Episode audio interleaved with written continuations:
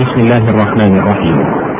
الحمد لله رب العالمين والصلاة والسلام على نبينا محمد وعلى آله وصحبه أجمعين. أيها المستمعون الكرام أيتها المستمعات الكريمات السلام عليكم ورحمة الله وبركاته.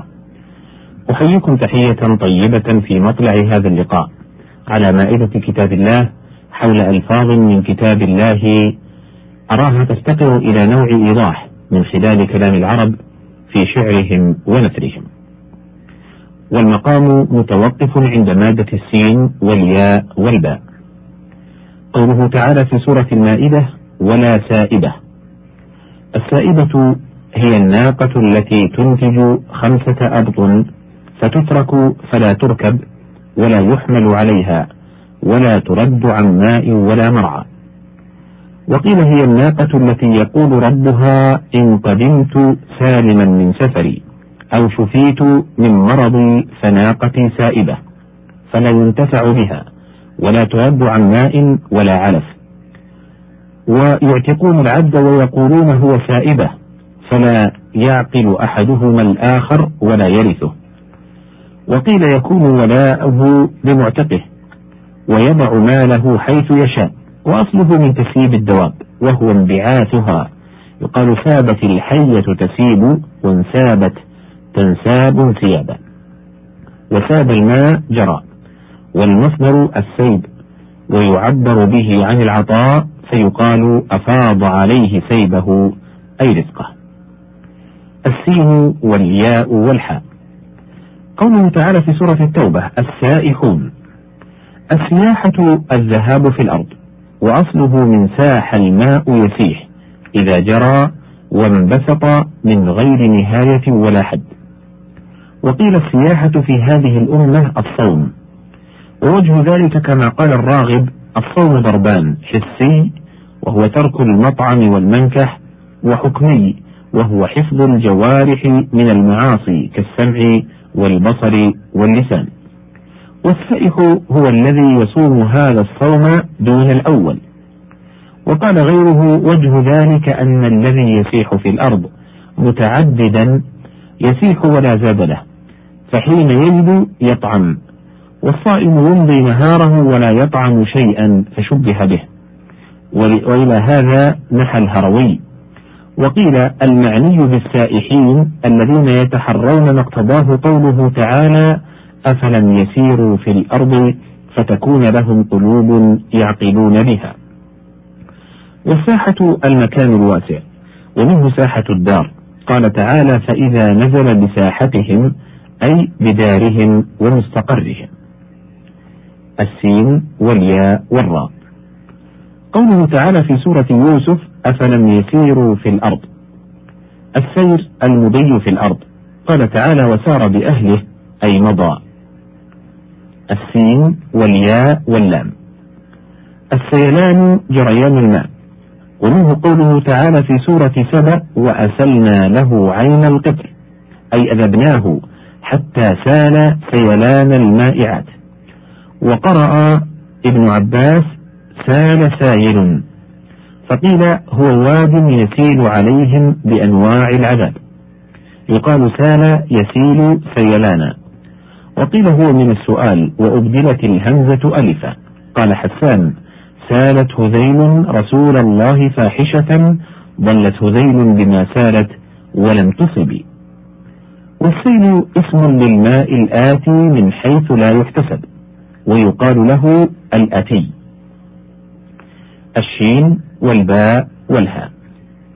قوله تعالى في سورة البقرة متشابها يعني أن ثمر الجنة يشبه بعضه بعضا.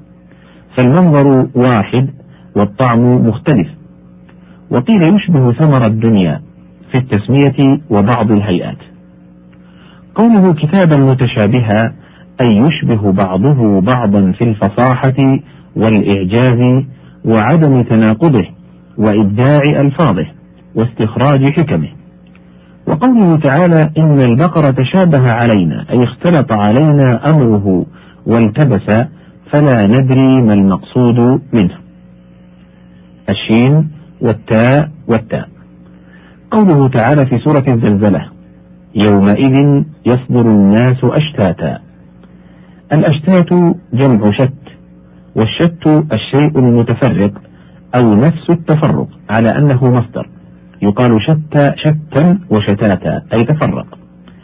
والمعنى أن الناس يحشرون مختلف الأحوال من شقاوة وسعادة وخوف وأمن وحزن وسرور بحسب أعمالهم. ولذلك عقبه بقوله فمن يعمل الآية. وقوله تعالى من نبات شتى أي مختلفة الأنواع من لون وطعم وريح وطراوة وغير ذلك. وهو جمع شتيت وقيل اسم جمع لشتيت. قوله تعالى وقلوبهم شتى أي متفرقة غير مجتمعة على أمر. عكس من قال فيه تعالى ووصفهم بقوله ولكن الله ألف بينهم. وقيل معناه مذاهبهم متفرقة وأديانهم متفرقة. وقوله تعالى إن سعيكم لشتى أي لمتفرق من سعي مشكور وسعي مذموم. وشتان اسم فعل بمعنى افترق. من ذلك نقول شتان زيد وعمر ولا يكتفى بواحد كما لا يكتفي به افترق. قال الأعشى شتان ما يومي ما يوم ما يومي على كورها ويوم حيان أخي جابر فيومي فاعل وما مزيده. ويقال شتان بين زيد وعمر وشتان ما بين. قال ربيعة الرقي لشتان ما بين اليزيدين في الندى يزيد سليم والأغر بن حاتم. الشين والتاء والواو.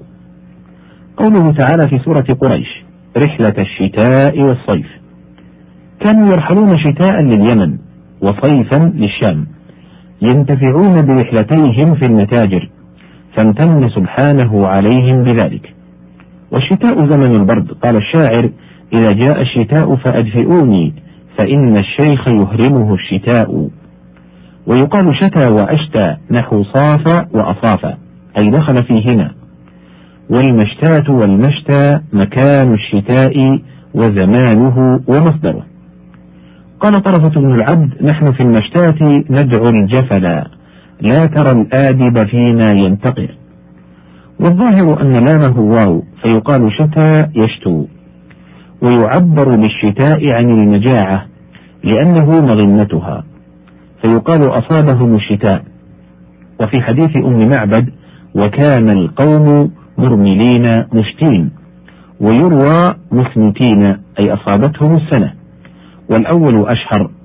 قال الحطيئة إذا نزل الشتاء بدار قوم تجنب جار بيتهم الشتاء أي لم يصب جارهم ضيق لتوسعهم. الشين والجيم والراء. قوله تعالى في سورة البقرة ولا تقربا هذه الشجرة أصل الشجر ما نبت على ساق وكان له أغصان وظل وإلا فهو نجم. ومنه قوله تعالى والنجم والشجر يسجدان أي جميع النبات لأن النبات لا يخلو من أحد هذين الوصفين. وسميت الشجرة شجرة لاختلاف أغصانها وتشعب أسنانها ومنه المشاجرة وهي المخاصمة لاختلاط أصواتهم وقيل لاشتباك الأغصان والمخاصمة فيها اشتباك أيضا. ومنه قوله تعالى حتى يحكموك فيما شجر بينهم أي اختلف والتبس. لأن الواضح لا اشتباك فيه. وشجر الرمح إذا جره ليطعن به غيره. وفي الحديث فشجرناهم بالرماح. وقال شريح ابن أوفى العبسي يذكرني حامين والرمح شاجر فهلا تلا حامين قبل التقدم؟ هنا ينتهي الحديث في هذه المادة وبه تنتهي هذه الحلقة. أشكر لكم إصغاءكم والسلام عليكم ورحمة الله وبركاته.